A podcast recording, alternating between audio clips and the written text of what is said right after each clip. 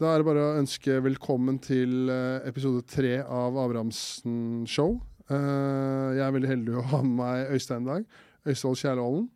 Uh, først og fremst, Tusen takk for at du gadd å bli med. Det var hyggelig. Ja, Jeg har jo møtt deg en gang tidligere, så det var veldig gøy at du gadd å stille opp der. Du har sikkert, Ut fra hva jeg leste, da, så har du vel nok å gjøre om dagen? Det er jo da, det, det, er jo nok å ta seg til. Men det er jo veldig, veldig kjekt å bli Og vi hadde jo en gøy kveld, da. Ja, absolutt. Så liksom, kan jo bare det blir jo litt annen setting dette da, enn med en øl i hånden, selvfølgelig. Men, ja. uh, men uh, det er jo hyggelig. Ja. Uh, ja, for liksom ikke de som ikke vet 100% hvem Dag, du liksom bare presentert deg selv på sånn ja, ja, det er uhorvelig mange mennesker som ikke vet hvem jeg er. ja. så, så, men jo, Øystein Kjæloen heter jeg jo. og Du hører at jeg kommer fra Bergen. så jeg Hva skal jeg si?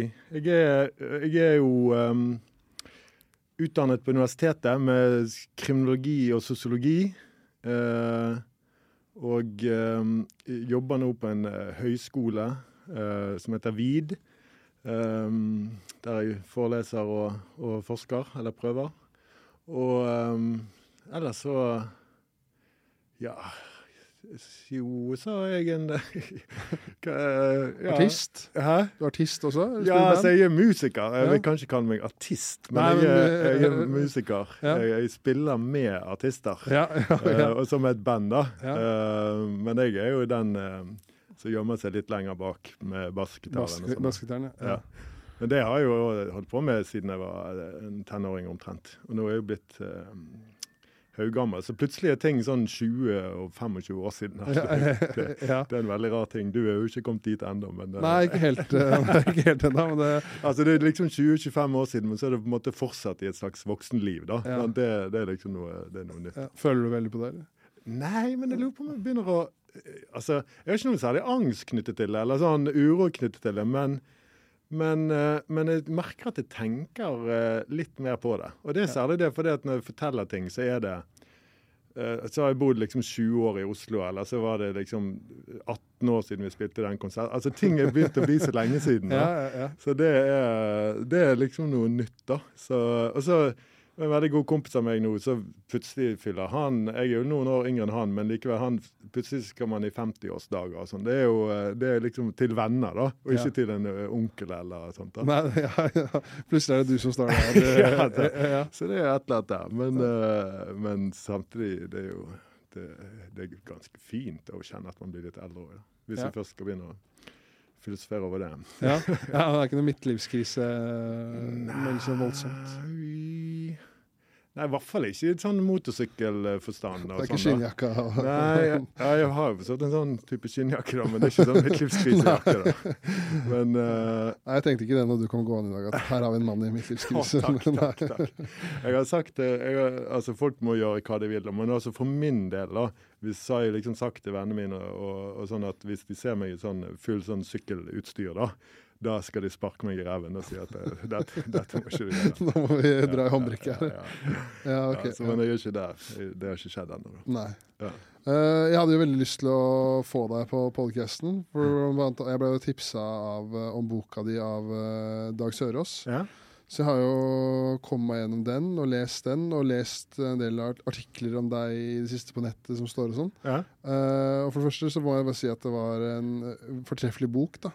Veldig, veldig bra skrevet. Det er da en bok du ga ut i 2019 som heter da 'Meningen med rus'. Ja. Uh, og det er, er, det på en måte, vil du si at det er på en måte en slags etterløper fra doktoravhandlingen du skrev? Uh, ja, det er på et vis det. Ja. For, uh, men kanskje er det òg en sånn Jeg jobbet, har jobbet med rusmiddelforskning. jobbet med det en del år. fra sant, Nå begynner det der til lenge siden igjen. Ja. det var vel i 2009 begynte jeg på et rusforskningsinstitutt som het ja. SIRUS. Og Før det så hadde jeg skrevet en hovedfagsoppgave om ok, Nå kjenner jeg at dette blir den røde tråden, for hovedfag er jo også et fremmedord i dag. sant? Ja, ja, ja. Men, uh, men, uansett um, Da hadde jeg skrevet om uh, etableringen av sprøyterommet i Oslo og sånt. Så jeg hadde begynt å fatte sånn interesse for uh, rusfenomenet, da. hvordan vi liksom, hvordan det, hva plass det har i samfunnet. på en måte. Uh, og Så begynte jeg å jobbe på Rusforskningsinstitutt, og så, og så kom denne Og så gjorde jeg også doktorgrader om, uh, om uh, ja, sånn hverdags morgendrikking på pub. Ja. Og så, og så jeg, og den boken på en, altså Den direkte foranledningen var kanskje at når jeg disputerte for doktorgrad, så fikk jeg også sånn oppgitt sånn tema for en forelesning. Og, som på en måte på en måte skal være relatert til doktoravhandlingen, da, men samtidig noe litt annet. Men det får du oppgitt. Og da fikk jeg oppgitt eh, tre ord på det, som var rus og mening. Okay, ja. og, så, eh, og, så, jobbet jeg med den forelesningen, da, og så eh, så eh, funket det ganske bra. For da er det du som holder forelesningen? Da, holder jeg, for da skriver jeg, holder, lager en forelesning på 45 minutter. og Den skal på en måte På en sånn disputas så gjør man det. Da holder man en prøveforelesning, heter det vel. For det hvis du er helt suger skikkelig der, da, så kan det være at du risikerer å ikke bestå liksom, eh, doktorgraden. da. Men, eh, men da gjør man det, og så etterpå skal man jo forsvare avhandlingen. Da blir du spurt ut av to sånne opponenter. Sånn. Men, um, men, den boken, ja, det, var, det, er på en måte følger disposisjonen fra den prøveforelesningen. Ja. Um, uh, og da Og så merket jeg da etterpå det at Um, det gikk kanskje an å skrive litt mer om det. For der begynte jeg å um, touche litt mer borti Eller begynte å reflektere mer over at uh, liksom, samtalen og alt sånt om rus i samfunnet er altså På den ene siden så kan du si at det er noe av det sant? Du har vinspalter og alt mulig, men da er det jo aldri snakk om rus. Da er det bare snakk om druer og årganger og sånt. Ja. Men liksom det, det der, denne tilstanden å være ruset pga. at du tar inn noen rusmidler, og, og hvorfor vi gjør det, um, har, er, har, ikke så stor del av uh, Har ikke så stor plass i samtaler om rus. For det, det er veldig mye orientert mot alle problemene som er knyttet ja, til rus. Og det er jo haugevis av problemer knyttet til rus. Ja. Men så er det jo likevel det at vi har holdt på, mennesker holdt på med det her så lenge mennesker har eksistert. For det syns jeg var veldig, veldig, fint med boka. For det, eh, altså, Når boka heter 'Mening med rus', vet ikke om kanskje jeg gikk inn med en sånn forestilling om at nå ble, skulle rus bli glorifisert. Ja. Eller hva jeg tenkte, Men det syns jeg ikke du gjør i boka i det hele tatt. Det er liksom veld, eh, veldig sånn eh, legger ikke noe skjul på at det er problemer, men heller kanskje den søken på de positive tingene man kan oppnå med rusen? Vil du si at det er riktig? Ja, det, ja, ja, det, og det er jeg veldig glad for den tilbakemeldingen. For det, eh, for det jeg prøver å dykke inn i, det er jo nettopp altså det er hva rusen gir, og ikke hva han tar. Og så eh, Fordi at, at, rusen på en måte tar mye, forvolder mye problemer, det er uomtvistelig, på en måte. Men det er åpenbart at han gir noe. Og han gir noe både altså Når du sier liksom i positiv forstand, så er jo det Jo, man kan si i positiv forstand, men også, jeg er også opptatt av det at selv når rusen er knyttet til problemer, altså folk, eh, folk som er i problemer, eh, som bruker mye rusmidler, så bidrar også rusen med noe positivt der. Altså, han, den gir noe. Den gir de eh, en liten stund fri fra uro og smerte. Han gir liksom, eh, opplevelser av uh, Hjelper de på en måte å Kan hjelpe å være til stede i hverdagen. Uh, og så er det ikke Når rusen får liksom den meningen, da, at du liksom trenger den, så, så så er det på en måte ikke så hva skal jeg si, bærekraftig. Man kan jo man kan ikke holde på med å drikke seg full hver eneste dag. Da går det jo til slutt ikke. sant? Men Nei der og da og til enhver tid i samfunnet så vil det være mennesker som er i situasjoner der de trenger rusen for å holde seg oppe. Ja. Og Det beste er jo hvis, no, hvis, man kan gjøre det, og det varer en liten stund, og så kan du på en måte kule den litt igjen. da. Ja. Uh, men sant, det er også i de situasjoner og tilfeller der man bare tenker at rus er et problem, så er ikke det nødvendigvis det. da, At rusen også kan hjelpe folk å holde seg oppe i, mm. i perioder. Så um, jo, så det, så det er det. Hva, hva, rusen gir mennesker. Det er på en måte det som er også en annen ting som jeg syns liksom, uh, var veldig fint med selve boka, er at i hvert kapittel så starter du på en måte med en fiktiv situasjon. altså en mm. Du maler et bilde av noe, og det jeg føler du får fram veldig bra med det bildet, er alle de ulike personene, eh, menneskene bak eh, rusen. og kanskje ikke, kanskje ikke nødvendigvis hvorfor de gjør det de gjør, men du la, liksom forklarer et bilde av uh, det er en gruppe unge mennesker i parken, de gjør det. Det er da en eh, barnefar. Altså, altså sånne ting mm. som gjør kanskje at man eh, I hvert fall jeg begynte å se på det i et annet lys, egentlig. fordi mm. jeg føler ofte når man snakker om uh, rus, så snakker man liksom om den harde narkotikaen, kontra av at uh, når jeg sitter med vennene mine og drikker øl på en bar, uh, så ruser jo jeg også meg. At man liksom, det er liksom rus, Ordet rus er litt stigma. Uh, men når du liksom da malte det bildet av de, de, ulike situasjonene, så var det sånn Ja, faen, alle gjør det samme, men av ulike grunner. Mm. Og ulike stoffer, da. Mm. Var, var, det noe du, var det meninga for å på en måte ja. danne et større bilde av Jeg ble jo veldig glad for uh, den lesningen som du har gjort her nå. Nei, men, men, uh, jo, men det er et poeng det å prøve å allmenngjøre dette her. Da. Mm. At dette rus er ikke noe som Eh, de andre driver med, som driver med farlige ting. Det er noe som stort sett alle driver med. Liksom. Mange, det, er jo, det, er en, det, er jo, en, gruppe avholdsfolk og liksom, folk som ikke toucher det av ulike grunner i det hele tatt. Men det er veldig, veldig vanlig å søke rusmidler, og der er jo alkohol det desidert vanligste rusmiddelet. Men det, jeg tror det er som du sier, at mange for, forbinder ikke det med rus, da. Nei. Men det er jo selvfølgelig er det, det ja. På samme måte som cannabis eller kokain eller hva det nå er, at det er rusmidler, så er jo alkohol eh, definitivt det også. Så, um, så, så, vi driver på en måte med det samme. men uh, Alle driver med det samme, men i ulike varianter, versjoner. da. Ja. Og så sier du det liksom der med at, uh, liksom at man er på søkende drus. Du, du, skriver den boka liksom, uh, om liksom, alkoholens historie og den søken etter etter, rus, da, men har du på en måte gjort opp noen tanker om liksom, hvorfor du tror mennesket hele tida er på søken etter den rusen? Uh, ja, jeg har gjort masse tanker, men det er så vanskelig å, å si noe veldig sånn uh, For rus er jo en, det er jo en subjektiv opplevelse. Sant? Det er jo uh, Men, men kan, kanskje det først og fremst bare en sånn observasjon og en konstatering av en faktisk eh, virkelighet at mennesker de har alltid gjort det.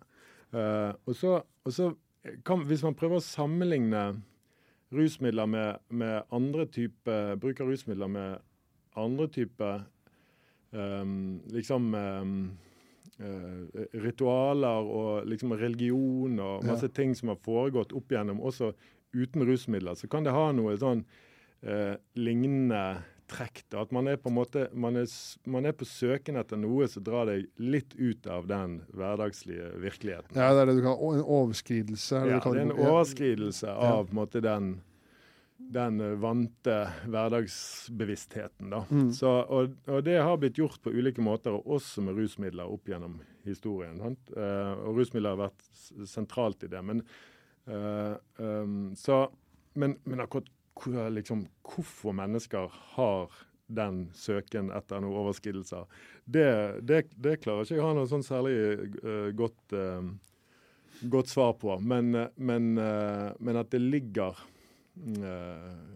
Altså Eh, ja, altså, det, det, trenger ikke bare være rusmidler. Det kan være ja, for det, det, for det som jeg syns var interessant ja. i boka, som du sa, ja. som ikke jeg har tenkt på selv, er det i forhold til de overskridelsene. At ja. bare det å kunne dra på en fotballkamp, da, det er en overskridelse, et avbrekk fra det normale. Så det blir på en måte da en slags veldig dempa versjon. Altså det samme som skjer, som du beskriver i boka, da, det samme som skjer i det belønningssystemet i hjernen. Uh, det, det, er jo noe med det. altså Det ligger i vår menneskelige biologi sant? at belønningssystemet aktiveres når vi gjør forskjellige typer ting. Uh, Bl.a. gå på fotballkamp eller å hoppe ned fra en fjellvegg, eller, uh, altså med fallskjerm. da. ja, ja. Uh, og, og, sånne, og, og religiøse opplevelser alt mulig. Så, så, er det noe av de samme mekanismene i hjernen. Så vi er liksom rigget for det der. noen sånne, At de der overskridende, opplevelse, overskridende opplevelsene at de kjennes godt, på en måte. da. Ja. Fordi at belønningssystemet aktiveres. Så, så, sånn sett er det veldig nært knyttet til vår biologi. Og det er jo også når vi eh, spiser god mat og når vi har sex, så er det jo også god belønning. Sant? Og det er jo de viktigste aktivitetene for vår eh, overlevelse. Eh, det er jo nettopp å spise og ha sex. Ja. Så, så, det ligger på en måte nært knyttet til, til, eh, til vår biologi på et vis. da. Mm. Men Nå er jo ikke jeg sånn biolog, eller noe sånt, men det, men, uh, men det, er jo, det er jo interessant å se at det er noen av de samme mekanismene som foregår da, med mange uh, ulike aktiviteter uh, som minner da om det som skjer når du inntar noen rusmidler. Ja. Men sånn forhold til sånn for deg, for deg personlig, da, som liksom har da skrevet en doktorgrad og jobbet med det her i ja, snart 20 år har det, eh, fordi, la meg til, i, I boka så beskriver du deg selv som eh, 15 år.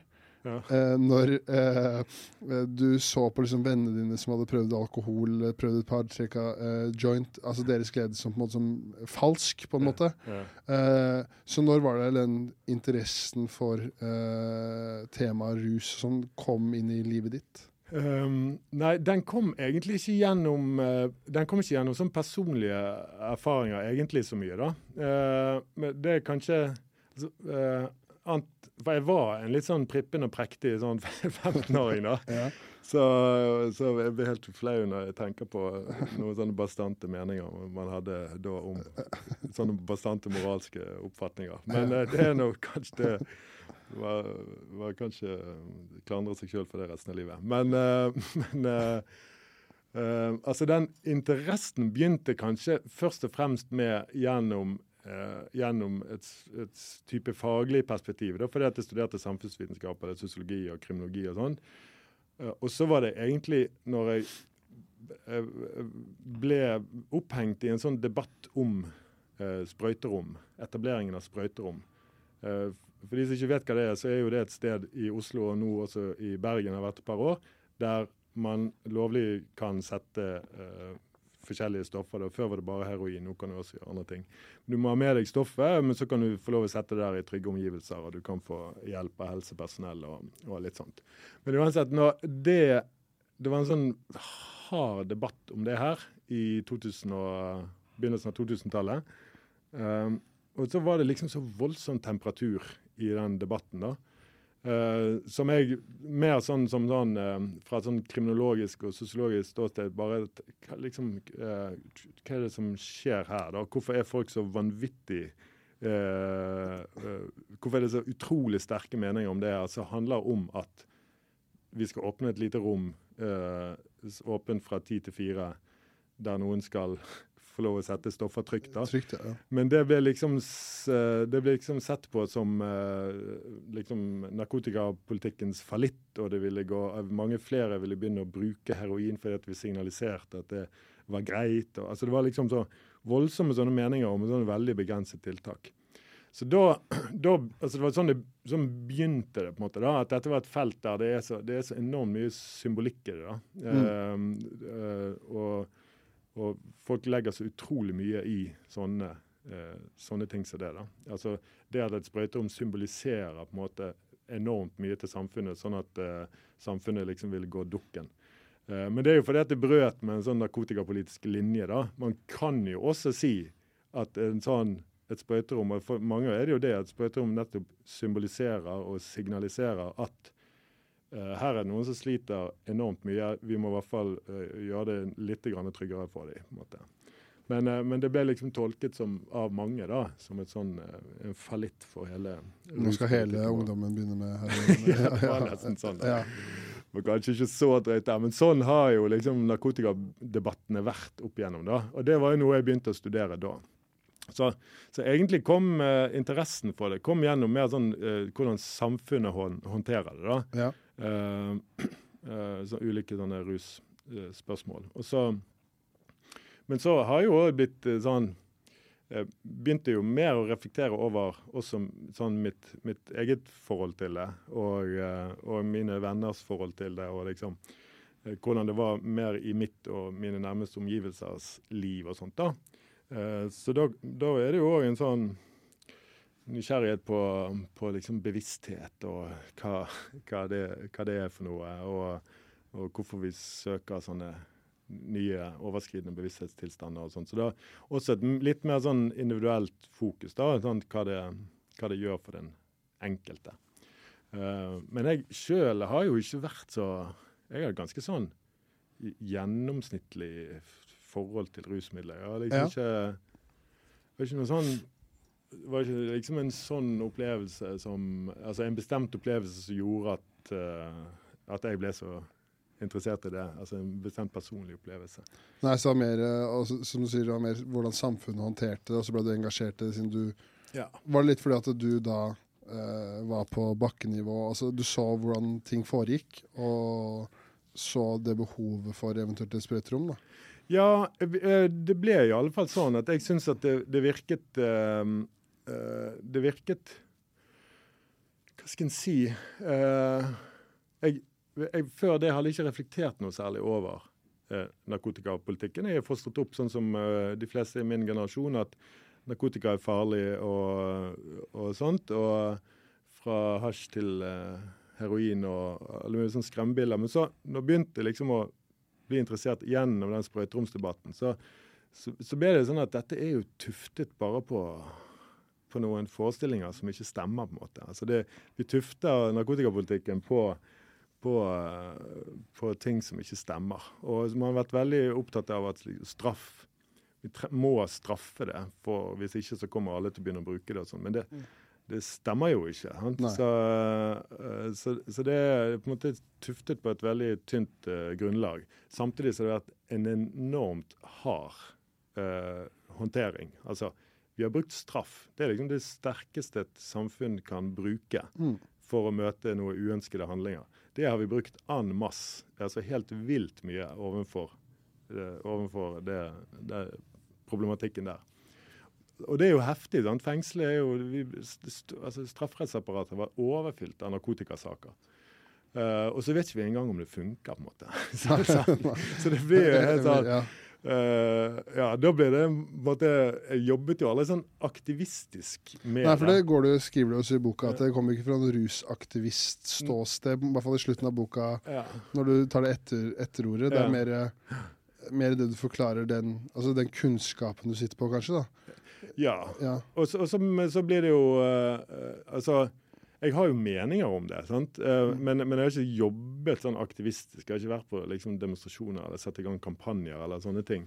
Men, uh, men jeg fikk jo liksom ganske sterke meninger om det. Sånn at det, blant annet det, da. Men nå er jo det er jo heldigvis, syns jeg, da, noe som er mye mer akseptert og utbredt nå. At man tenker at man kan, det går an kanskje å fjerne straff for narkotikabruk uten at det går rett vest med samfunnet. Ja. Altså Det er det liksom uh, litt mer aksept for nå, da. Uh, og det er jo uh, det er veldig bra. Så har jeg jo skrevet jo litt sånn kronikker og sånne type ting om det. Så hvis det er aktivistisk, så har jeg gjort det. Men, men en, en, som jobber på, med forskning, var jo også formidlet til bredere, da. Ja. Uh, så, så, ja.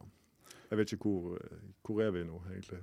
Nei, men bare nei, nei, men det er bare forhold til altså, det, altså den straffen da, som ja. du, du snakka om, at, det, at, vi valgte å bruke straff som hjelpemiddel mot å få folk til å slutte med rusmidler, ja. uten at vi nødvendigvis uh, visste om det fungerte. Ja.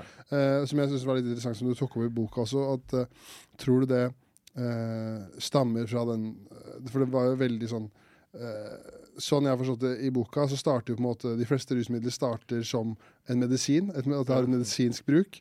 Og så finner man kanskje ut at det er noen bivirkninger som gjør at man ikke kan bruke det til de bruksområdene man tenkte man kunne gjøre. Eh, eller at man da går inn og syntetisk endrer på et stoff som gjør at det får et bruksområde innenfor medisinen, men ja. og fjerner de bivirkningene. Eh, og så finner man da ut at det her jo, kan være skadelig ved overbruk av det. Ja. Også da er det en slags propagandamaskin, da, veldig kort fortalt, som da starter i USA, annet med cannabis, og så sprer det seg da til Norge, blant annet, som gjør, tror det er det som gjør at det er sånn herre Vi må straffe det her. For det, i boka så var vel en som jeg syns var litt, uh, litt, gøy. når du fortalte, Det var vel den, den filmen, den norske filmen ja. som var så populær. Ja. Hvor det da er et, uh, par, et ungt par som prøver marihuana første gang. Og så ender det med at uh, hun er i Danmark og må være prostituert, og han hopper fra et stup, er ikke det? Ja, jeg hopper fra et hustak. Ja, jeg hopper fra et hustak, ja. Etter å ha prøvd altså sånn, Den propagandaen der, da, tror du det er det som ligger i grunn for at vi så lenge har tenkt sånn det her må straffes? Uh, ja, altså det er vel mange ting som på en måte har virket uh, samtidig, da. Og så um, Men sant, det, det, er jo, det, er jo, flere liksom teorier om det også. Sant? At hele war and drugs-greiene fra Amerika det er på en måte importert litt derfra. Sant? Og der er det jo noen som altså han at det var vel så mye et angrep på altså angrep på uh, rusmiddelbruk blant svarte. Sant? At det er et ganske sånn rasistisk utgangspunkt for hele, for hele, for hele narkotikakrigen, eller krigen mot narkotika og sånn. Så, uh, men, men, det, men, det, har på en måte Det har blitt forbundet med at det på en måte er Det er mye moral der. At det liksom er det er moralsk galt å å bruke en del av de, eller bruke alle de stoffene som heter narkotika, som for øvrig er en helt absurd kategori sant, av, ja. av, uh, av, av, stoffer. Sant? For, de, alle stoffene som heter narkotika, har jo um, Altså, De er så forskjellige, så du får det omtrent. sant? Ja. Noen er helt vilt sterke. Uh, noen er helt vilt milde.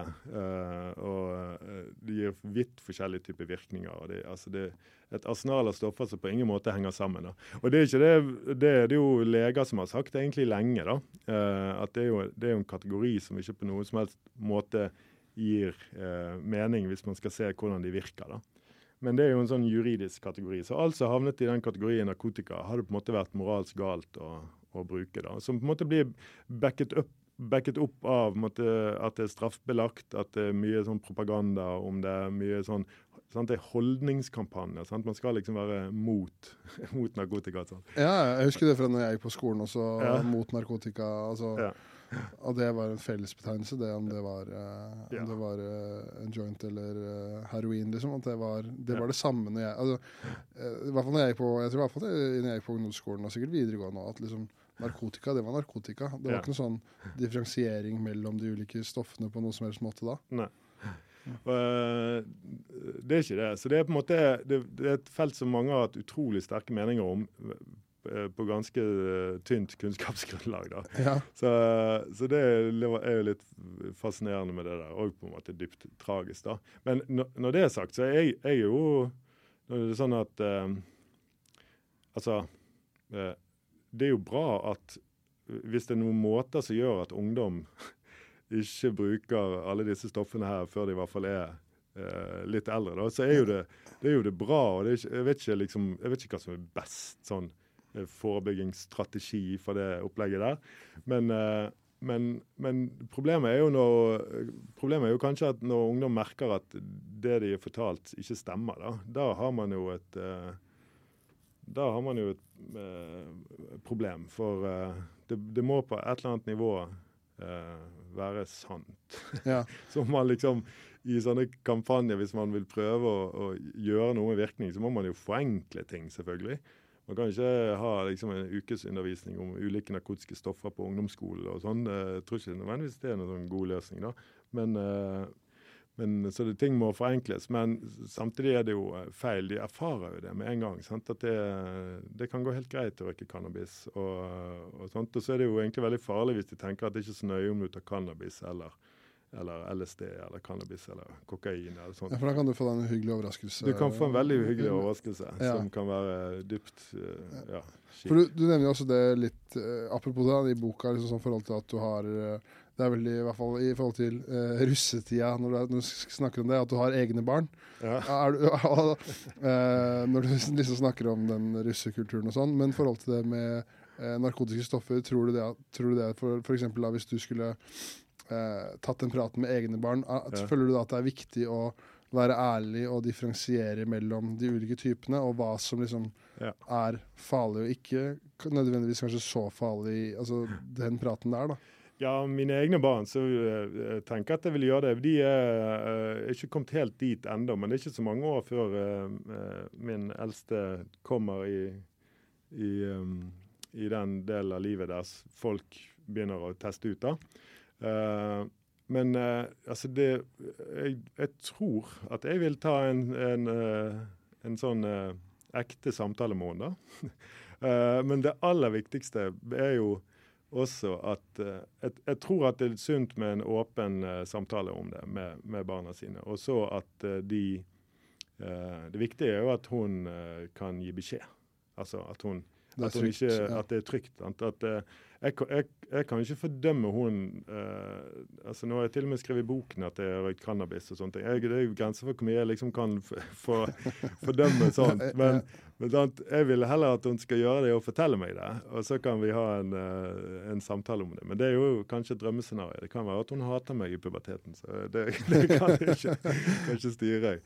Men, men det er i hvert fall Jeg har noen venner da, som har begynt å få barn mer i den alderen. Og uh, jeg vet at noen der på en måte tar sånn ordentlig prat. og Tar de på alvor og, og, og forteller om det. Og det er klart at det, det er jo god informasjon og at de eh, Du må i hvert fall aldri i verden ta noe hvis ikke du vet hva det er. på en måte. Nei.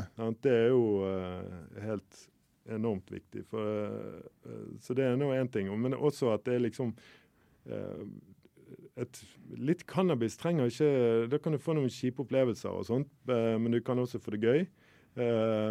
Men, men sant, med, det er ikke så risikabelt så hvis du går ut på en tripp med liksom ja, med noe sopp eller noe sånne ting. Da Da bør man jo Jeg vil i hvert fall ikke at mine barn skal gjøre det når de er tidlig i tenårene. Nei, nei. men, men, at de på et, når de er voksne og, og sånn at de liksom utforsker ting, det det, om det skjer, så kan det være bra, det.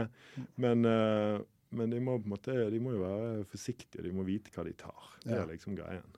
Men vil du være, føle deg enig med deg sier, sånn som det du forklarer der, det er, det er jo de samme reglene som gjelder for alkohol, f.eks. Ja, ja. Som da er mye mer akseptert. Jeg føler Det får du veldig fram i boka. Liksom den, uh, hva, hvilke rusmidler som er akseptert, og hva som ikke er akseptert, ut fra kulturen vi lever i. Ja. Men det er vel Det er jo ikke øh, Føler du kanskje at alkoholen slipper veldig billig unna når du snakker om Ja, ja jeg gjør jo det. Ja. Altså sånn så uh, altså, ja, han gjør jo det. Mm. Det er jo ingen tvil om at det, det er alkohol som er det store rusproblemet vi har. da.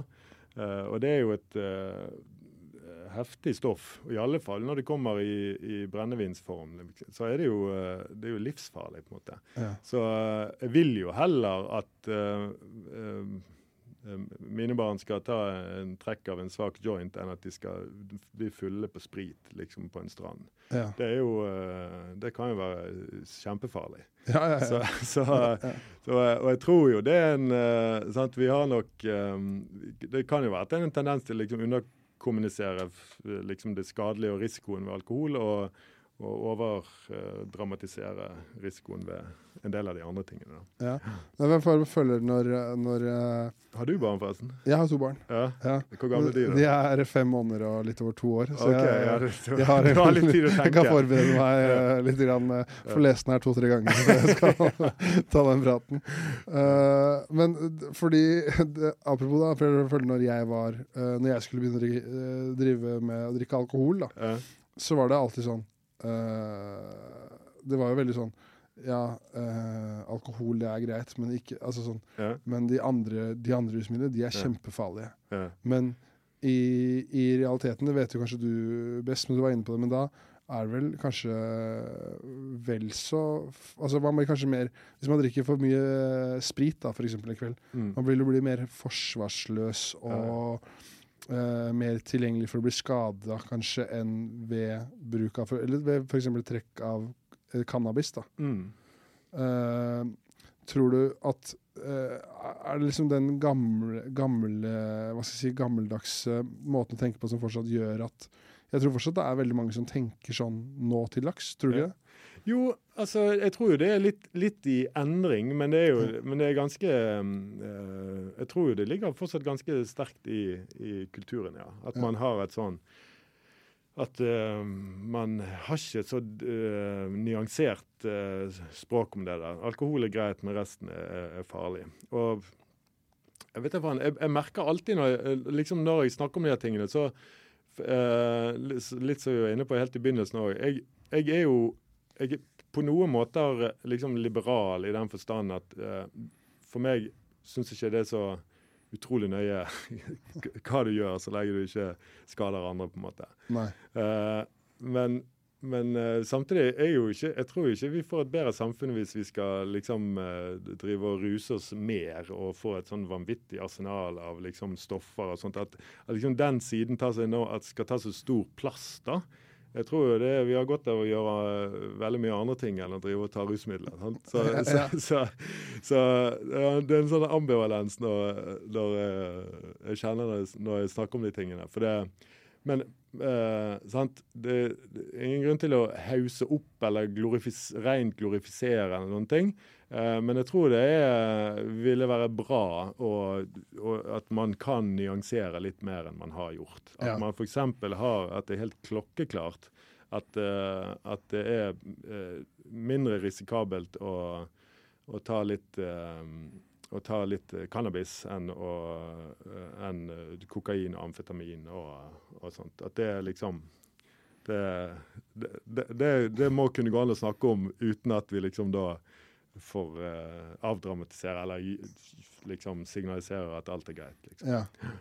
Så, og det, det, får du jo veldig tydelig fram i, i, i boken. Som jeg sa i starten, det er ikke noe glorifisering av Eh, av, av, rus på noen måte. Du er veldig klar på at det er uh, negative sider med det også. Mm. Uh, men som du snakker litt i boka, kan du liksom prøve å snakke litt om uh, måte, I boka syns jeg du veldig klar, fint klarer å forklare hvordan rusen hjelper. da, F.eks. alkohol i enkelte situasjoner, mm. som gjør kanskje at vi knytter nærere bånd, eller at vi mm. fjerner den sjenertheten som gjør at kanskje vi i enkelte situasjoner blir uh, kommer nærmere hverandre og bedre, blir en bedre utgave av seg selv. Mm. Uh, hvordan du liksom kom fram til den delen i boka, og hva du så på der? Nei, det er jo Altså, jeg tror jo det er måtte, grunnen til at folk flest uh, uh, drikker innimellom og sånt. Det er jo det at man kommer i kontakt med seg sjøl på, på, på, en litt annen måte enn man gjør til vanlig. Man kommer liksom i kontakt med seg sjøl man uh, sider av seg sjøl som man kanskje i en del tilfeller uh, holder tilbake på, man tør ikke og, og sånt. Og så er det jo det òg at når man gjør det Når man på en måte legger litt mer av seg sjøl på bordet på et eller annet vis, da, så, så, er det jo ikke noe rart da at da oppstår det gode sosiale situasjoner. Altså Når folk legger mer på bordet, så kan man jo òg bli ekstra godt kjent med noen. Sant? Og man klarer å føle sterkere på hvor uh, morsom du er, eller hvor uh, liksom alle sånne gode sider. Fordi at folk er mer, mer uh, Har garden litt, litt lavere, da. Ja.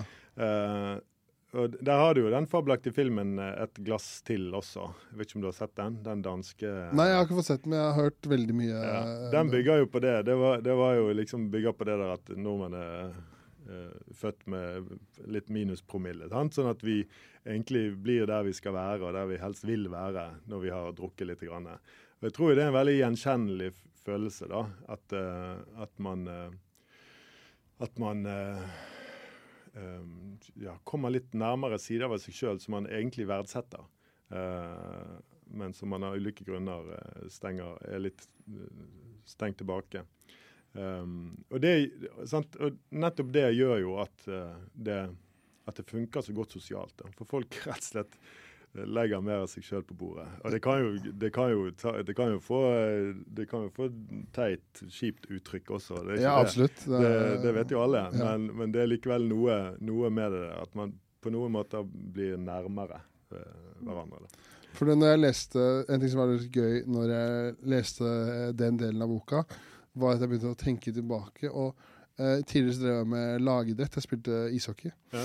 Og så jeg spilte liksom så, så, høyt du kommer i Norge, da, på en måte. Eh, og da satt jeg og tenkte på at alle de eh, lagene som gjorde det best jeg, som liksom, Vi gjorde det best sammen, da, var de, eh, var de lagene som ja, vi festa mest. Ja, det var det, ja. Og det, går, ja, det, og det går jo egentlig Hvis du tenker sånn idrettsprestasjonsmessig, ja. så er jo det veldig motsigende. Ja. Men jeg tror det rett og slett var noe som gjorde det eh, med hele gruppa. At gruppa hadde det bedre sammen og ble mer sammensveisa, som gjorde at man klarte å prestere bedre sammen som et lag.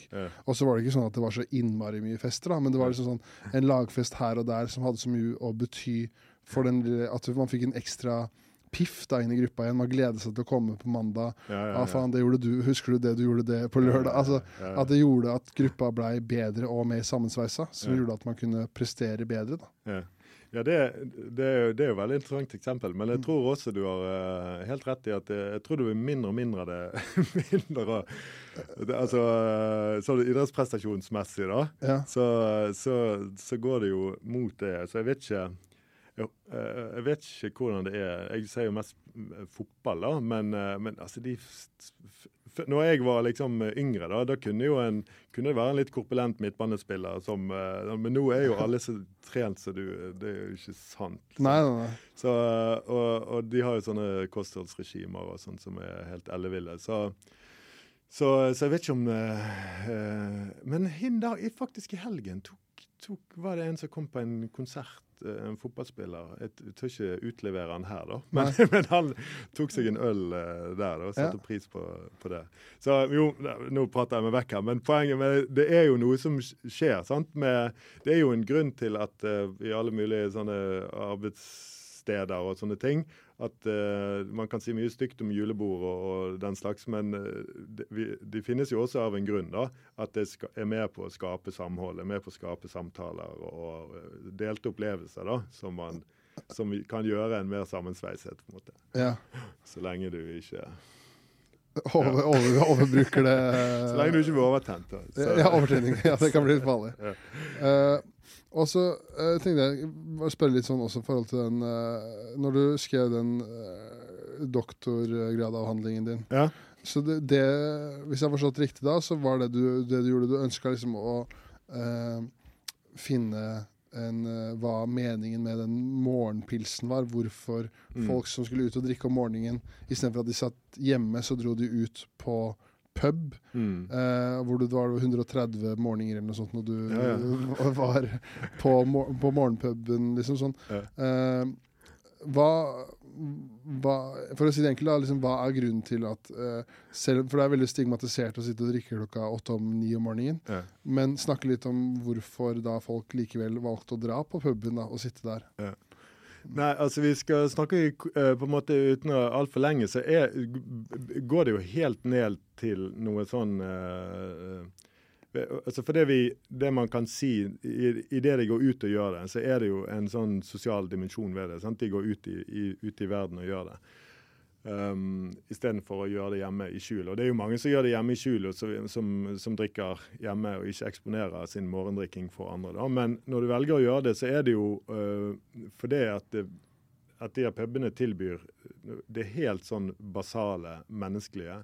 At du kommer inn i et rom der, uh, folk, med folk som du på et eller annet nivå kan identifisere deg med. Altså Vi deler det samme avviket vi drikker begge om morgenen. på en måte.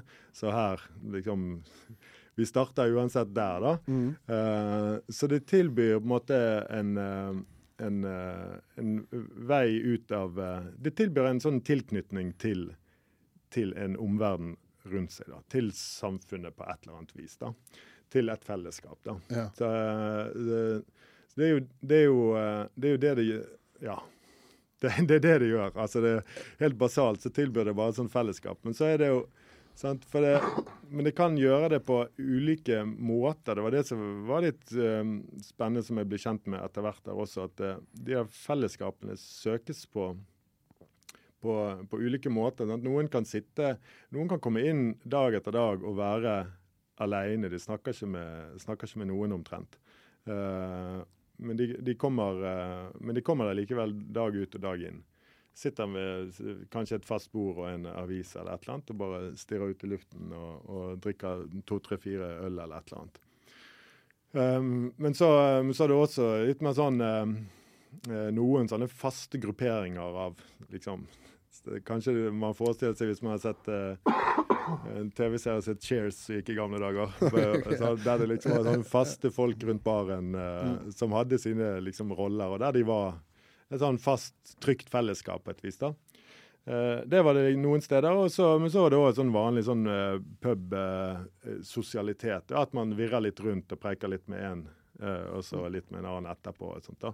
Så det, på en måte, de fellesskapene utarter seg på forskjellige måter. Men, men, men jeg ble litt interessert særlig i de der som gikk ut dag etter dag, men var alene. da. Men, men da er det det var på en måte en slags sånn indikasjon, eller et tegn på at det, det, er ganske lite som skal til. Så på en måte, Der det går fra terskel til eh, ensomhet til eh, fellesskap. da. Så selv om du ikke er sånn aktivt sosialt så mye, altså i den forstand at det er så mye som skjer, så er det jo det at du kommer inn døren og du har en bartender som du kjøper øl av, og ikke et kjøleskap som du bare henter det ut fra.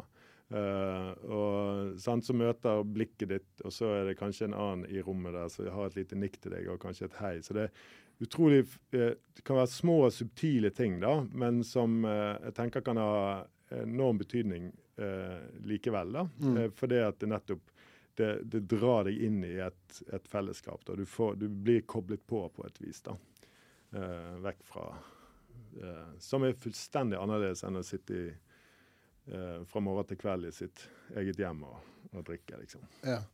Og så er det for, sånn forhold til For hvis man tenker da, sånn som samfunnet ser på, hvis man tenker klassisk alkoholiker, da, ja. som er på da pub eh, om, morgenen, eh, fant, du, fant, du, på en måte noe ut i forhold til eh, Jeg syns det er interessant at For man ser jo ikke de så ofte på eh, klassiske altså sånn utesteder på kveldstid. Nei.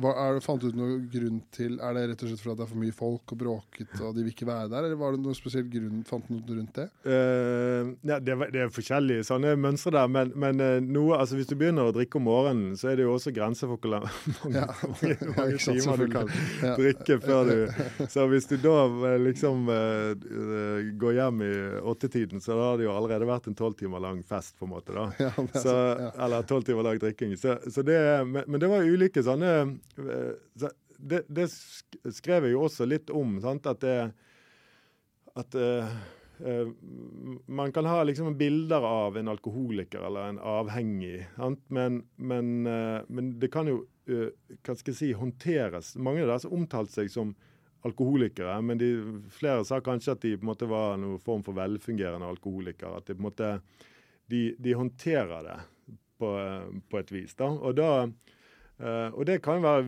viktig sant, uh, når man måtte, er i det. da, At man, man har noen slags sånne idealer å strebe seg etter, eller strebe etter i sin drikking. da. Og det, og da så folk hadde forskjellige sånne mønstre på det. Sånn, de kunne gå ut og ta et par øl på morgenen eller tidlig formiddag. Og så kanskje eh, gå hjem og spise noe eller eller annet, gjøre noe annet i en del timer. Og så kanskje en tur på ettermiddagen eh, kveld igjen. da. Men da er det jo eh, Men da har du på en måte du, altså, du har på en måte vært i gang fra morgenen av. Så, du, så, du, så, selv om du ikke sitter og drikker hele tiden, så er det på en måte, så er nok kveld kanskje litt tidlig når du føler for å, å gå til sengs. da. Ja. Men, men, det er jo interessant det der, sånn hvordan Uh, folk kan jo altså Avhengighet er jo en uh, er, Det er på en måte en sånn uh, det, det, er jo en diagnose. men det er jo også noe som man kan kjenne på. Sant? Du og meg vi er avhengig av snus på et eller annet vis. Ja. og, men det er jo mange måter å håndtere håndtere sånne ting på. Jeg kan få, Nå, nå er jeg inne i en sånn uh, dårlig steam der jeg plutselig begynner å snuse to av gangen. Og ja, og jeg gjør akkurat samme. Du gjør det? altså, men da, da, tenker man at OK, det, jeg må bryte det snart. da. Så ja. da kommer et sånn lite tiltak snart. da, at det liksom... Og Sånn har jeg hatt noen ganger. Sant, at ja, Jeg tar ikke i den første snusen før jeg på en måte f.eks. er på jobb da, og tar første kaffen der, eller et eller annet sånt. da. Lager sånne regler. Og så, og Der snakket jeg med en kar for litt siden som han lever helt som hva skal jeg si, vanlig integrert liv med familie, jobb og alt mulig. Helt som vanlig. Eh, men han, han, har, han har, blitt kjent med seg sjøl på den måten at han, han har funnet ut at han liker rus litt for godt. da. Eh, men han har jo skjønt at han kanskje han kan ikke henfalle til det. Da, for han, han, vil være der. Han vil være en ordentlig eh, liksom Skjøtte alle sine andre oppgaver. da. så han kan ikke hengi seg til det. Men så har han sånn regime, liksom. Eh, liksom torsdag så unner han seg så og så mange øl akkurat de og de timene, kanskje etter ungene i seng eller et eller annet sånt. Og, sånn, og, Det er likt hver gang, da, men det er akkurat nok til at han får en sånn liten bøss. og akkurat der han vil være. da. Og likevel holde det under kontroll? Ja, ja, helt, helt under kontroll. Ja. Uh, og, og, sånn er det, og det der er det jo så mange varianter av. Og også blant de som gikk på morgenpuben, så kunne det være sånne type Selv om de også sjøl kunne kalle seg alkoholikere. så det var likevel veldig mange måter å håndtere det på. Altså man, uh, man setter liksom noen uh, finner ut av måter å, å, deale med det på. Da. Akkurat som man dealer med, med andre typer eh, avhengigheter eller vaner, eller hva man skal kalle det.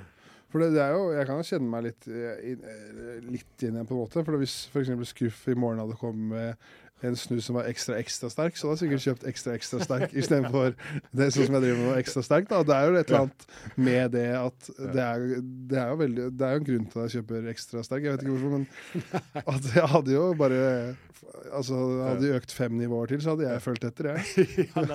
ja, der, men der er jeg nemlig en annen strategi. Sant? Fordi at jeg, jeg, har nemlig ikke gått opp til den ekstra sterk. Jeg klarer fortsatt bare sterk, da, nettopp fordi at jeg vil ikke over på brennevinet. på en måte da. Nei, ikke sant? Så, så, så for det, det er jeg, jeg, som er på tynn is her.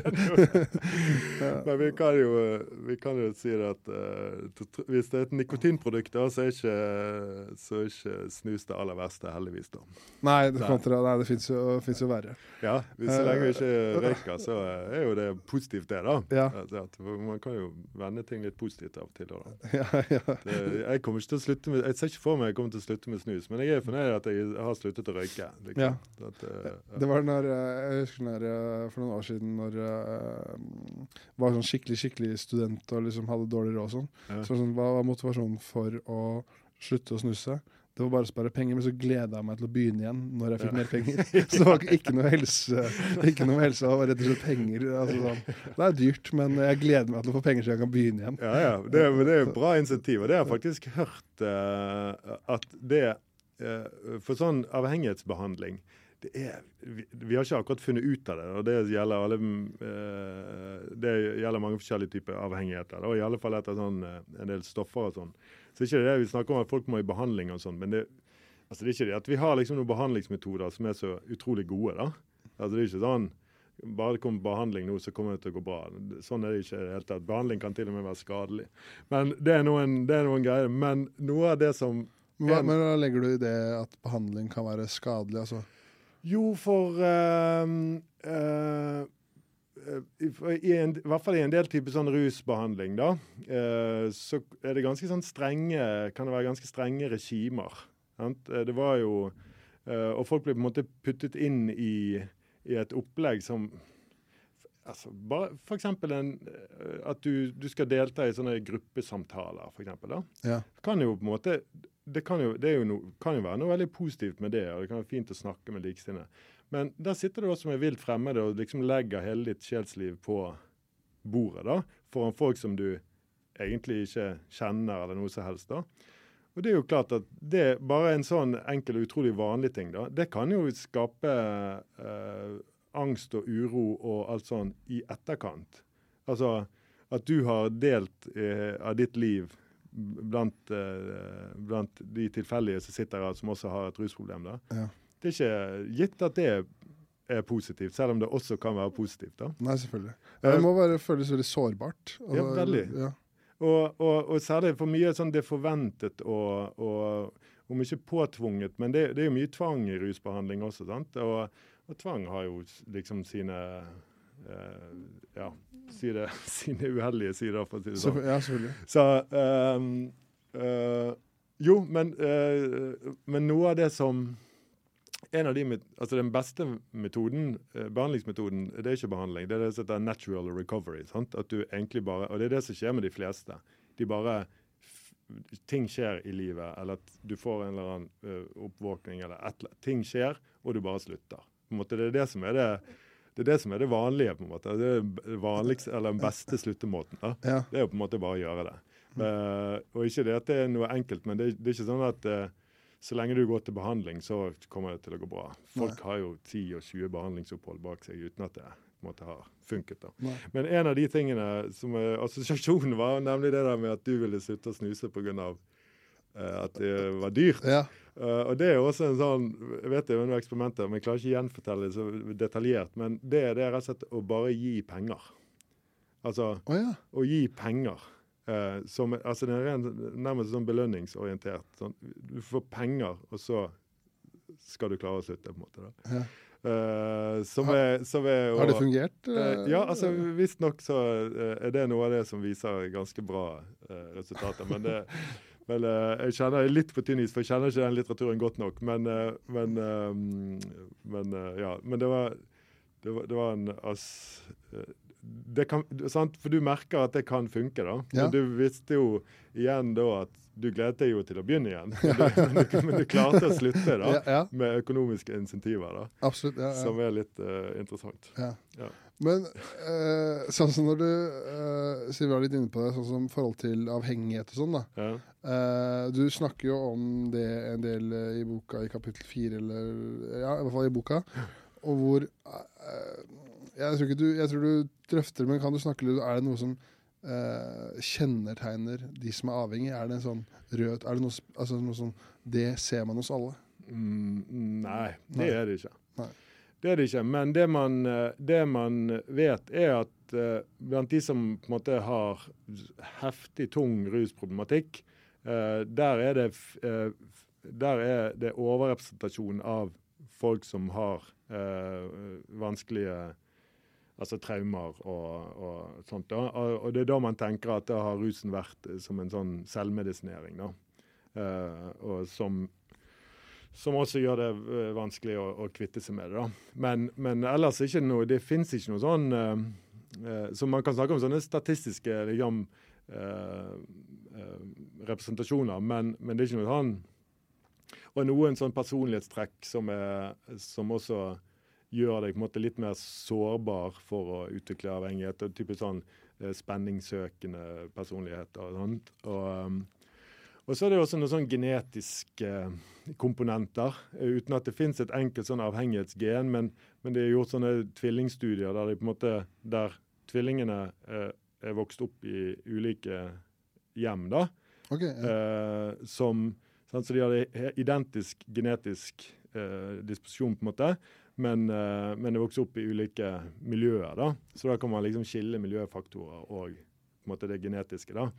Uh, men der, uh, ut fra sånne studier, så, så um, har de funnet ut at den, måte, den, genetiske komponenten er ganske sterk da, i forhold til om du, om du senere vil uh, bli um, avhengig. og det, Jeg vet ikke om det er alkohol eller hva det er de har målt der. Men altså, Det er genetiske komponenter, det er noen psykologiske komponenter, og sånt, men det er ikke noe sånn Folk Altså det, det, er et såpass komplekst fenomen. sant? Ja. Så det er genetisk, psykologisk og, og, og um, miljøfaktorer, liksom sosiale omstendigheter og sosiale situasjoner. altså ting har utro, Det er mye som spiller inn. da. Ja. Så det er på en måte ingen sånn rød tråd. Men man kan si at noen er mer disponert for det ut fra forskjellige psykologiske og genetiske trekk. da. Ja. Men, sånn forhold til hvor Eh, det er kanskje vanskelig å svare på, men hvor sterk faktor er f.eks. miljø da, inn, inn, i det? Nei, altså de som eh, Jeg, jeg tør ikke svare sånn eh, konkret på det. for det også, Men de som har gjort disse tvillingstudiene, sant, de kan jo de, de kan, Da kan man lage sånne statistiske sammenhenger. da, fordi at man ser på sånn utfall, hvordan det er gått med disse når de er vokst opp. da, og Så kan man si at uh, 70 er genetisk og 30 er miljøfaktorer. Sånt, da. Ja. Men, uh, men det, jeg vet ikke men det òg sier jo på en måte sier jo noe, men det sier samtidig ikke så veldig mye for hva type miljø som, som forårsaker det ene og det andre. Nei, altså. ikke sant? Nei. Men så er det selvfølgelig sånne sosiale risikofaktorer òg. At hvis du har, eh, hvis du har um, vokst opp i et hjem med mye rusmiddelbruk, eller du opplever omsorgssvikt, eller du Uh, ja, du på like måter ikke får det til, og du feiler på skole og, og utdanning og liksom Så er jo det sånne vanlige hva skal jeg si, sosiale sårbarhetsfaktorer. da. Ja, for det grunnen til at jeg spurte, var at ja. jeg, altså før, uh, før denne episoden her, så drev jeg prøvde å gjøre litt research og sånn. Ja. Da kom jeg over en sånn uh, TED-talk hvor ja. det var da en uh, jeg tror det var en forsker så det, nå, det kan jeg gjenfortelle litt dårlig, men det var da et eksperiment som ble gjort på rotter. Ja, ja. I forhold til at det var da i buret så satt de én flaske med vann og én med heroin. Ja.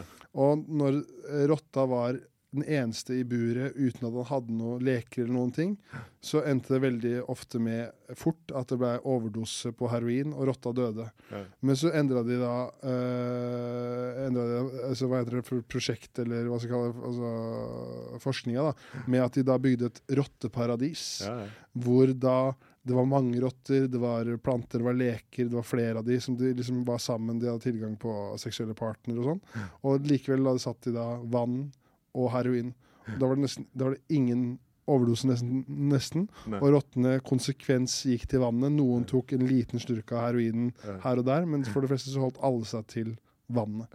Og da var liksom poenget med den TED-talken var hvor mye et miljø kan ha å si. da for den enkelte. Men så blir det kanskje annerledes når jeg snakker om rotter. Men jeg syns bare det var veldig ne. interessant. da. Ja, ja, ne, det er kjempe, det der eksperimentet det heter Rat Park. Ok, ja, ja, det, ja, ja. Det, det, det, er veldig fint, uh, eller er et enormt spennende eksperiment. og det er for det, det handlet om uh, sant, at da, da, er de koblet på det livet som de egentlig er laget for å leve. Sant? De er laget for å, å, å, være sosiale og for å leke og for å ha sex og for å spise og alt sånt.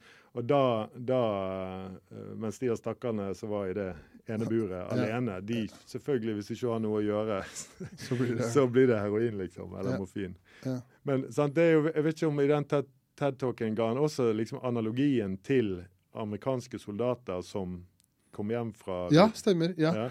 Uh, jo, for det, det, det, var det, også, det, det var bra du sa. for det, ja. uh, man, det var det han var inne på i forhold til at de amerikanske soldatene under Vietnamkrigen mm. så var man så redd for at de skulle komme tilbake, at det skulle være et så stort problem i forhold til opiumavhengighet som mm. man hadde så lett tilgang på i Vietnam. Mm. Men så viste det seg da at i veldig veldig mange tilfeller når det kom tilbake til vanlige rutiner i USA, ja. så forsvant uh, behovet for opium. Ja. ja. Det, det, det, er interessant. Og man kan sammenligne. Sant? Da kom de fra et helvetesbur, sant? som er sumpene i Vietnam og krigen, og det er på en måte umenneskelig på en måte. da. Og så blir de koblet på igjen når de kommer hjem, og da eh, koblet på det, det, det, livet sånn som det skal være. på en måte da. Ja. Og da, da, er de plutselig ikke avhengige lenger. da. Så det er jo Men er ikke, er ikke det er veldig fascinerende? Man tenker liksom at, for det, det kan jo kanskje, Men opium er vel kanskje en av de tingene som er mest avhengighetsskapende også, er det ikke det? Jo, det er jo sånn eh, Det er jo et, eh, i den samme familien. Men altså, en del av de brukte jo heroin òg der borte. Altså, det var opium og heroin og alle mulige droger. da. Ja. Men, eh, men, det er liksom opiater. Så, så, man, så det er jo det det er regnet, eller det er avhengighetsskapende ting, men, eh, men de, eh, det var ikke så vanskelig når eh, livet kom tilbake sånn som det skulle være. Nei. Det er veldig fascinerende. Ja. Men tror du man da kan trekke en sånn slags korrelasjon mellom Hvis man tenker da, eh, hvis man ser da på eh, de rottene som lever i ensomhet, som da mm. overdoser, tror, og kontra da Rat Park Paradis, mm. tror du man da kan trekke Kanskje det blir for enkelt å trekke en korrelasjon til den uh, straff Altså når mm. uh, straff, da, mm. og Altså liksom Isolert straff, er det løsningen på 'nå skal du slutte, her er det straff'? Ja. Eh, det er da altså justissektoren som tar seg hånd av det, kontra helsesektoren. da. Ja. Tror du det er noen korrelasjon der? Nei, altså, nei, altså man, man, man, kan jo i hvert fall tenke seg at det å, å, straffe er jo på en måte å støte Det er jo en eh, fordømming, da. og Det er stigmatiserende, på en måte. Og, så det blir jo på en måte å, å trykke folk eh, lenger ned i driten. Mm. Uh, så, så det, er jo, det, er jo, det, er jo, motsatsen av å på en måte her, velkommen skal du være, sånn som du er. på en måte. Ja. Uh, og her skal vi lage livet ditt sånn at det er verdt å leve. Så det er jo, det er på en måte det er jo, en mots, det er jo motsatsen ja, til ja, det ensomme buret. Ja.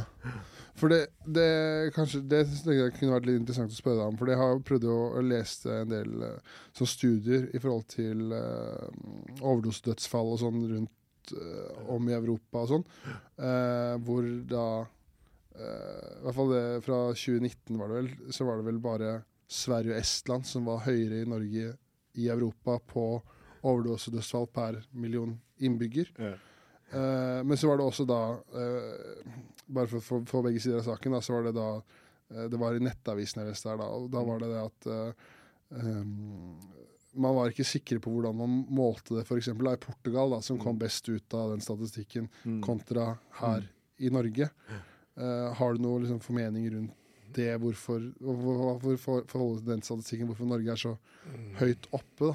Nei, det, det, det Jeg, jeg tør ikke ha altfor uh, bastante ting om det, men det, men det handler um, det er jo mest sannsynlig et sammensatt uh, spørsmål. Noe ja. kan jo også ha med rent sånn tekniske ting, at man måler det forskjellig. da, at ja. Hva man måler som uh, overdosedødsfall. Så det kan spille inn, og det har man kanskje ikke helt kontroll på. Og så um, men sant, og I Norge har det vært en utbredt uh, injeksjonskultur, altså man setter dem en sprøyte.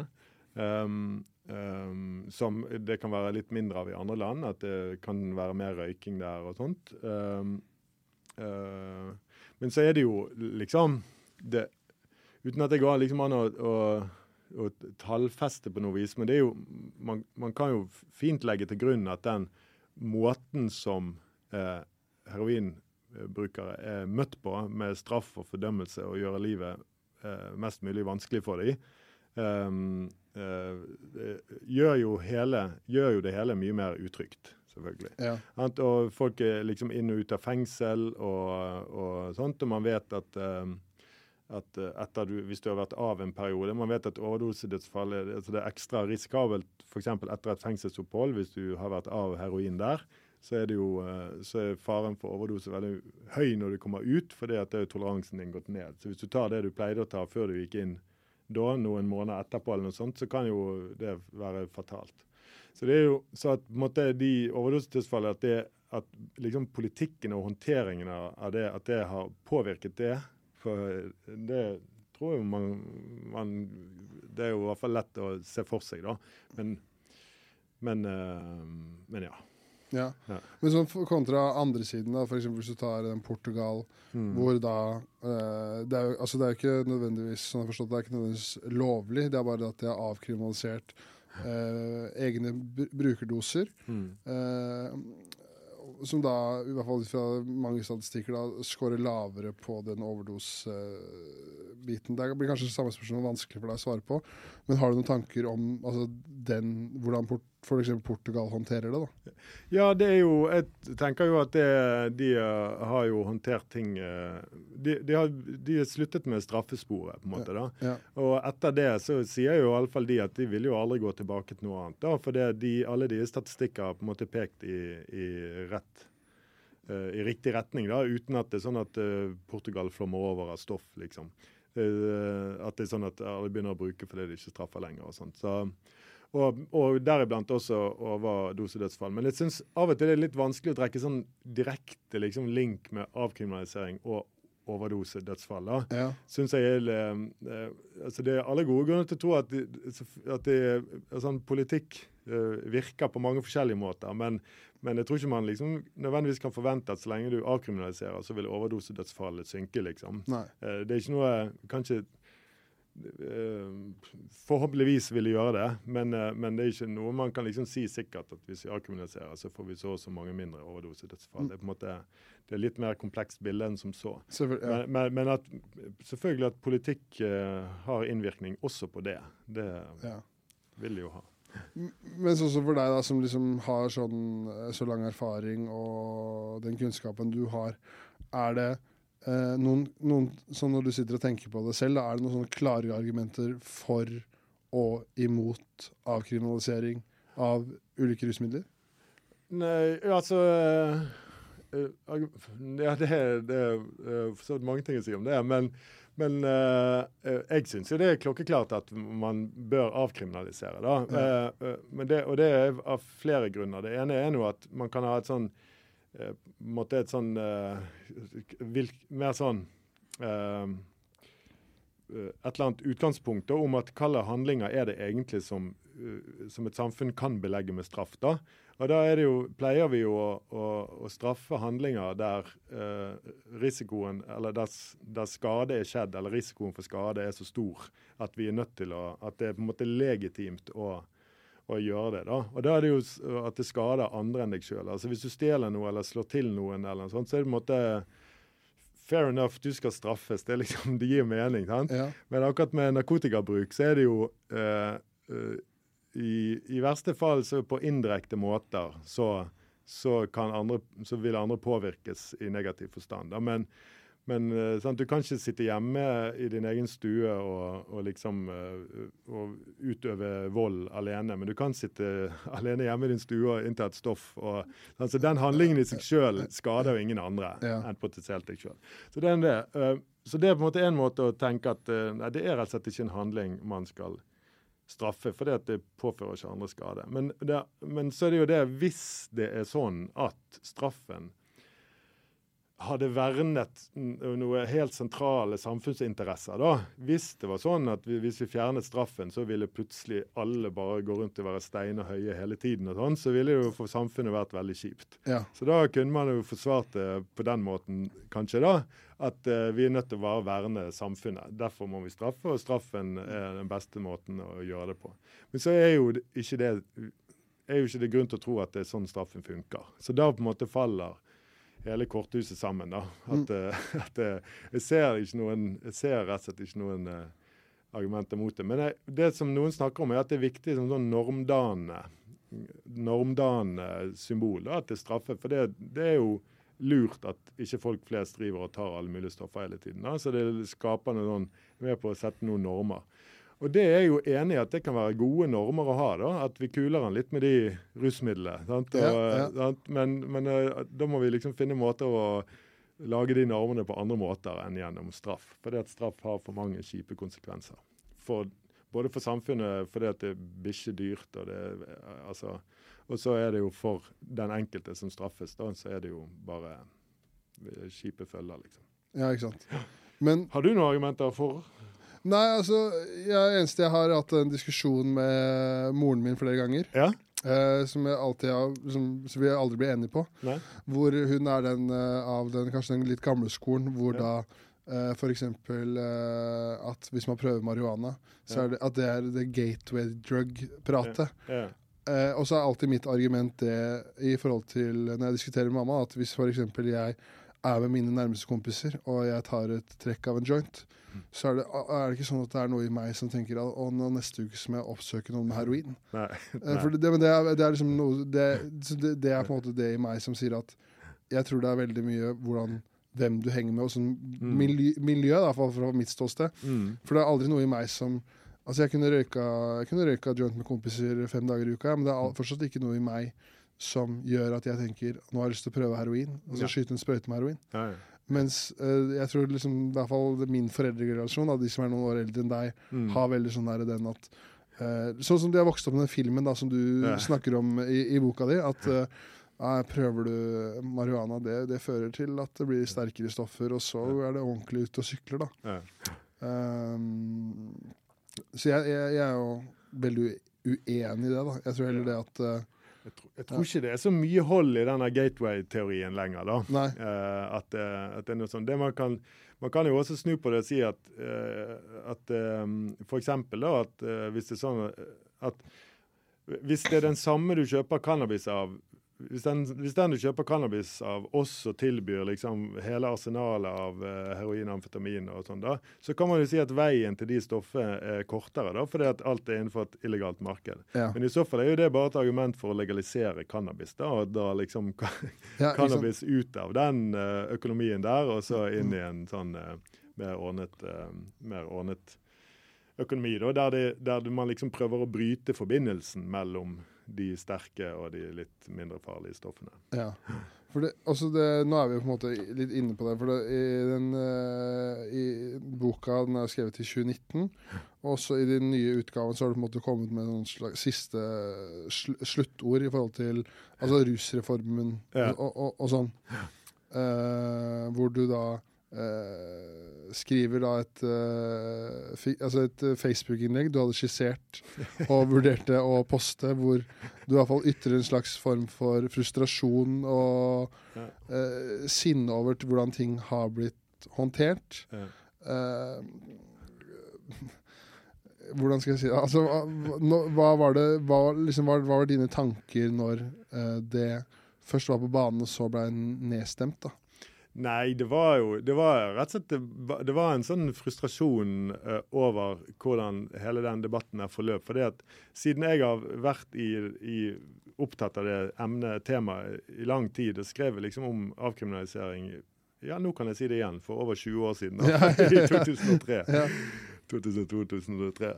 Så Uh, så, så, var det liksom var det kommet inn på et spor av en debatt måte å debattere spørsmålet på. Så jeg tenkte at ja, nå, det, nå, virker det rett og slett som vi er kommet der, at det går an å avkriminalisere. Uh, og det er bra, for jeg mener at det er altfor store omkostninger. det greiene. Og så så det ut som det, det, kom til og med fra Høyre, sant? fra Bent Høie og sånt. Uh, at, uh, og de har tidligere ikke vært i nærheten av det. da. Uh, men det kom til og med fra der og regnet liksom med at Arbeiderpartiet var masse signaler om det før, at de ville være med på noe sånt. Ja, For da skriver du om boka di når ja. Johan Gahr Støre var helseminister og Ja. ja. Sånn, så de, de, har jo på en måte Folk trodde at de, det var, at de uh, skulle støtte det. Og så snudde de uh, på slutten. Da, at sånn et uh, grasrotopprør, eller hva man skal kalle det, kampanje et eller annet i Arbeiderpartiet, da. Men uh, som gjorde at de til slutt stemte nei. da. Og da var det en sånn skuffelse. Det var liksom noe med argumentasjon. De, liksom, de gjorde det i lojalitet med ungdommen. Så skulle vi ikke lenger så skulle vi fortsette å straffe dem. Altså, altså, jeg ble bare irritert på hele Nei, retorikken. Da. Ja, selvfølgelig. Uh, selv om jeg uh, er ganske i midten av politisk og har stemt Arbeiderpartiet og alt mulig. Men, men der var jeg liksom ja, jeg, ja, det var en sånn slags sånn skuffelse. Det så ut som det skulle gå veien, og jeg tenkte at det var bra på alle mulige, av alle mulige grunner, og så, og så ble det ikke. Så da um, ja, da var det en skuffelse, ja.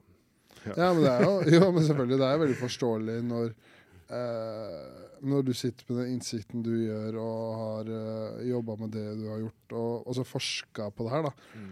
Og det er vel eh, en ganske Kanskje feil å si det er en bred enighet, men altså de som i hvert, fall mange, i hvert fall de jeg har lest, og veldig mange av de som virker som de har størst kunnskap om det, ja. tenker jo at en rusreform vil være det beste. Ja. Og så sitter det da noen som kanskje ikke sitter på den samme kunnskap som dere og tenker nei, det stemmer ikke. Og så gjør de da det motsatte. Det må være veldig frustrerende. da. Ja, det, det er rett og slett det. Fordi at uh, uh, men, man skal være litt forsiktig sånn med uh, Altså, Politikk er jo noe annet enn forskning sant? Ja.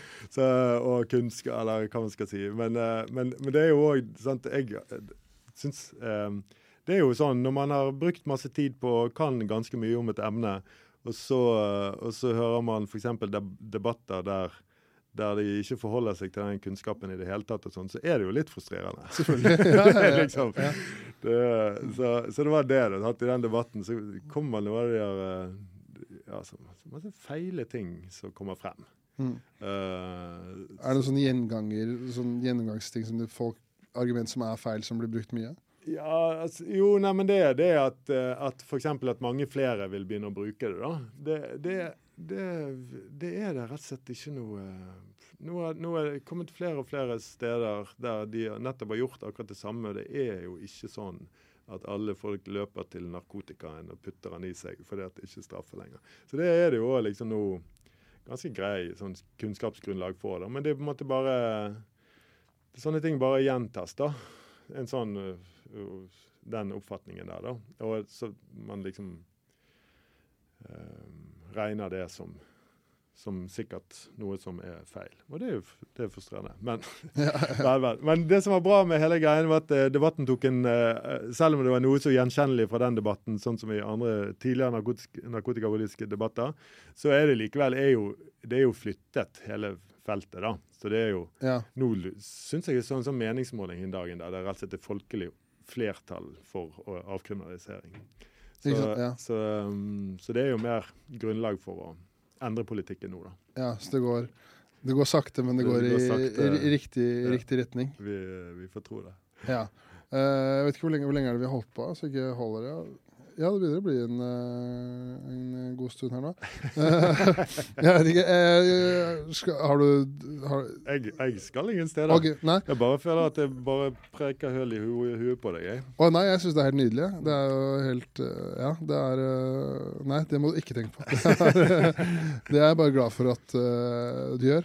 Uh, det, jeg tenkte i hvert fall, det er én ting, ting jeg tenkte sånn uh, å ta opp med deg, hvis det er greit. Er sånn forhold til Vi kan prøve. Ja. ja det er i hvert fall veldig det der, den, uh, Noe som er veldig i viden nå, det er veldig, i hvert fall veldig mye i media, er det der forhold til den norske Narkotikapolitiforening. Ja.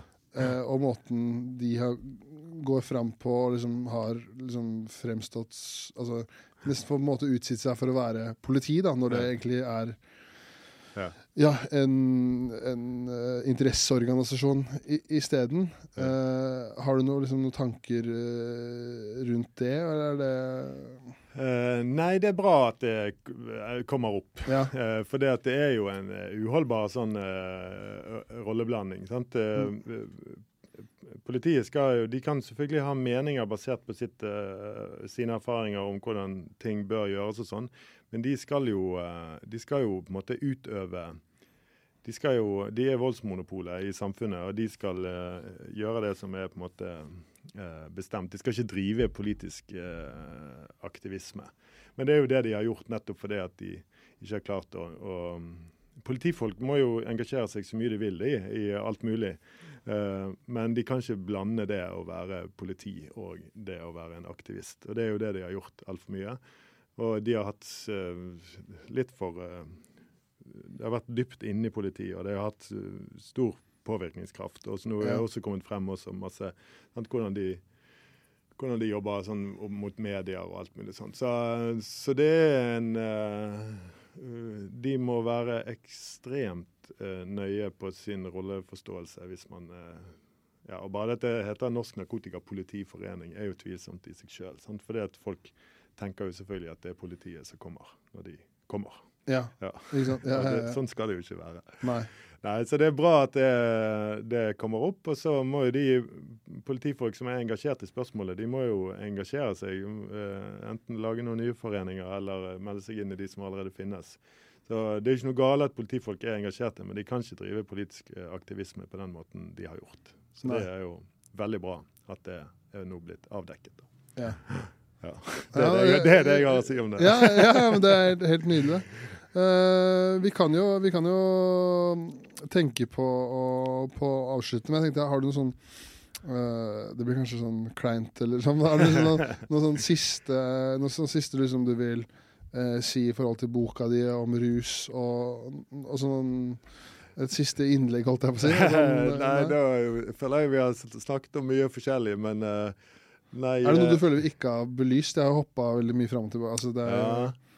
Uh, jeg vet ikke om jeg kommer på noe akkurat nå, men uh, jeg er nå glad for at nå er det jo sant uh, Nå er det jo noen år siden den boken kom, så jeg er jo glad at du ville At du fortsatt syns at den var grei å lese. Ja, absolutt. Og at du ville, ja. at du ville snakke om det. Så så eh, Nei, jeg tror ikke jeg har noe sånn eh, En appell, tenker du? Jeg har ikke, ja, Bruk rus med måte og kos dere. Nei, jeg, prøver å ikke være den uh, rådgivende typen. Nei, ja, ja. Folk finner ut av det sjøl. Men, uh, men uh, det, er folk, det, er bra hvis folk er åpne og nysgjerrige heller enn dømmende. Det syns jeg er fint i russpørsmål. Det har vært litt for mye fordømming i spørsmål om rus. Mm. Så der kan man heller være litt åpne og nysgjerrig. Og så gjør alt med måte. ja, ja, Klassikeren. Ja. Men jeg anbefaler i hvert fall jeg kan vise, anbefaler i hvert fall alle, og hvis du har noe interesse for å lese det, var uh, igjen veldig bra. Og så hør på Sjekk ut Real Ones på Spotify. Oh yes. Ja, ja, ja. ja. Er det noe annet du vil eh, plugge? Uh, nei, jeg kan plugge det. Real Ones må høre på det. Ja. Vi kom nettopp ved vår, den vanskelige 13. platen. Ja. så, så, og det er vår beste plate uh, til nå, da. Så, um, så, den er bare å sjekke ut. ja. Tusen, tusen takk for at du gadd å komme. Takk. OK. Adjø. Sånn. Ble det jeg, jeg